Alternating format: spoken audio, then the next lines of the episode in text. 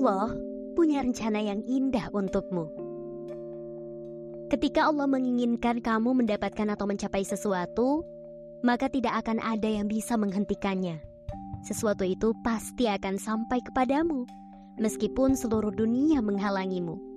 Begitu juga sebaliknya, meskipun kamu berusaha dengan sungguh-sungguh, kalau ternyata sesuatu itu bukan diciptakan untuk kamu, maka kamu pun tidak akan bisa mendapatkannya, kecuali dengan izin Allah.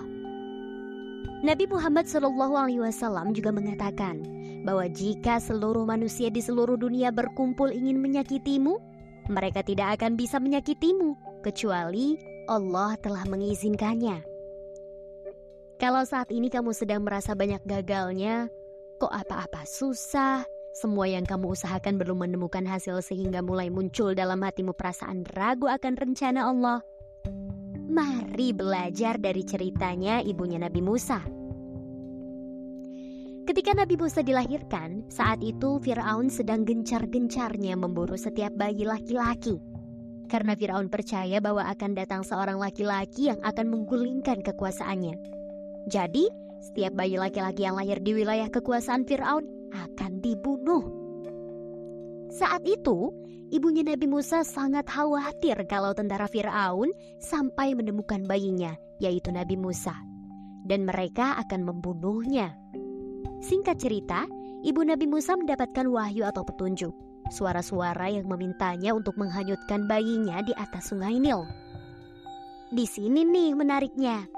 Kalau kamu ada di posisi tersebut, punya bayi laki-laki baru lahir, perlu untuk disusui, Sementara di wilayah kamu ada raja yang kejam sedang memburu setiap bayi laki-laki untuk dibunuh. Lalu dapat petunjuk berupa suara untuk menghanyutkan bayimu yang baru lahir tersebut di sungai Nil. Sungai yang rawan binatang buas, bisa ada ular, buaya, dan hewan lainnya yang berpotensi memangsanya. Apakah kamu akan menuruti sumber suara tersebut? Pasti ada gejolak batin dan keraguan-raguan untuk melakukan hal tersebut. Tapi ibu Nabi Musa memilih percaya dan melakukannya. Beliau menghanyutkan Nabi Musa bayi di atas keranjang Sungai Nil.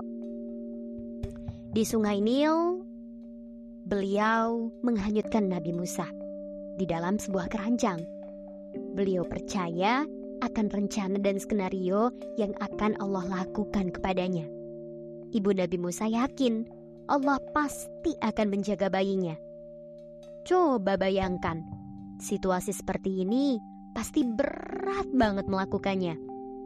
Dan plot twistnya adalah Nabi Musa bayi yang hanyut itu justru ditemukan oleh Asia, istrinya Fir'aun.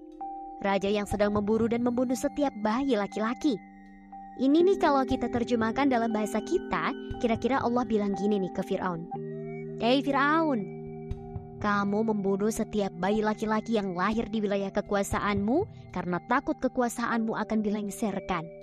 Tapi lihatlah kekuasaanku, bayi laki-laki yang akan melengserkanmu justru kamu rawat sendiri. Hmm, ini kan plot twist banget ya. Udah seia-ia membunuh banyak bayi laki-laki calon-calon yang akan melengserkan kekuasaannya, Eh, justru dia sendiri yang merawat bayi laki-laki yang dimaksud akan melengserkan kekuasaannya. Nah, jadi ceritanya istri Firaun, yakni ibu Asia ini membutuhkan seseorang nih untuk menyusui bayi tersebut. Nabi Musa kecil itu. Diadakanlah semacam pengumuman atau sayembara siapa yang pantas untuk menyusui Nabi Musa. Di sinilah Allah menepati janjinya kepada ibu kandung Nabi Musa. Dari sekian banyak ibu-ibu yang mendaftar sayembara menyusui bayi Nabi Musa, yang terpilih adalah ibu kandung Nabi Musa itu sendiri bukan orang lain. Ibu Nabi Musa menyusui Nabi Musa bayi. Setelah itu dikembalikan lagi ke kerajaan. Begitu terus disusui kembalikan lagi ke kerajaan, disusui lagi, dikembalikan lagi, sampai selesai masuk waktu bayi itu disapi. Apakah hal seperti ini terjadi secara begitu saja? Apakah hal seperti ini terjadi secara random tanpa ada yang mengaturnya? Tentu tidak pasti ada yang mengaturnya, yaitu Allah yang Maha Kuasa. Coba direnungkan lagi. Ada raja kejam nih membunuh setiap bayi laki-laki.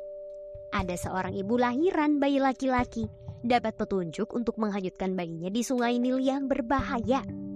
Dan bayi tersebut justru dirawat oleh istri raja yang kejam tersebut, mencari siapa yang dapat menyusui bayi tersebut hingga akhirnya sang bayi tetap disusui oleh ibu kandungnya sendiri.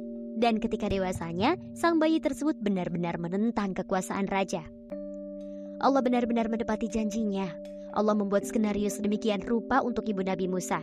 Cerita ini bisa kamu lihat di Al-Quran, Surah Al-Qasas. Kalau saat ini kamu sedang ragu dan khawatir tentang masa depanmu, khawatir takut gagal, merasa Allah jahat kepadamu, merasa Allah nggak adil sama kamu. Sebenarnya Allah yang nggak adil atau kamu yang sedang ragu akan pertolongan dan rencana Allah? Bukankah banyak orang-orang yang merasakan langsung pertolongan Allah selain ibunya Nabi Musa? Lalu, mengapa hidup kita terasa begitu menyesakkan? Jangan-jangan kita sendiri yang membuat hidup kita terasa begitu menyesakkan. Membuatnya begitu menyesakkan dengan membanding-bandingkan hidup kita dengan hidup orang lain yang kita lihat di media sosial. Kenapa orang-orang seperti ibunya Nabi Musa dan orang-orang lain bisa mendapatkan pertolongan Allah yang bahkan terkesan seperti sebuah keajaiban? Sedangkan kita kok rasanya mentok ya gini-gini terus? Apa yang membedakan mereka dengan kita? Jawabannya adalah tingkat keyakinannya kepada Allah. Ibu Nabi Musa yang menghanyutkan bayinya di sungai Nil, Nabi Yusuf yang dibuang ke sumur oleh saudara-saudaranya sendiri, dan orang-orang lain atau bahkan orang yang kita kenal yang mendapatkan pertolongan Allah, bahkan mendapat keajaiban dalam hidupnya, level tingkatan keyakinan mereka terhadap pertolongan Allah itu sangat tinggi. Mereka sangat yakin akan pertolongan Allah. Mereka percaya terhadap skenario Allah. Dalam hati mereka tidak ada keraguan terhadap janji Allah. Allah pasti akan menempati janjinya. Meskipun saat ini mereka mendapatkan musibah atau ujian yang membuat mereka sedih, tapi sebenarnya dalam hati mereka, mereka percaya dan tidak ada keraguan bahwa suatu saat Allah pasti menolongnya. Sekarang, kalau kamu mulai ragu, yuk belajar kembali untuk yakin akan pertolongan penciptamu. Ajak Allah untuk berjuang bersamamu. Ajak Dia yang Maha Kuasa ikut serta dalam setiap usaha yang kamu kerahkan. Perjuangan yang tanpa disertai mendekat kepada Allah pasti akan terasa hampa. Hidup kalau hanya mengandalkan logika pasti akan kecapean dan buntu pada akhirnya. Kita memerlukan bantuan Tuhan. Kita membutuhkan pertolongan dari semesta. Kita nggak bisa hanya mengandalkan diri sendiri. Yuk, mari berjuang lagi. Tapi kali ini, ajak Allah ya dalam perjuanganmu.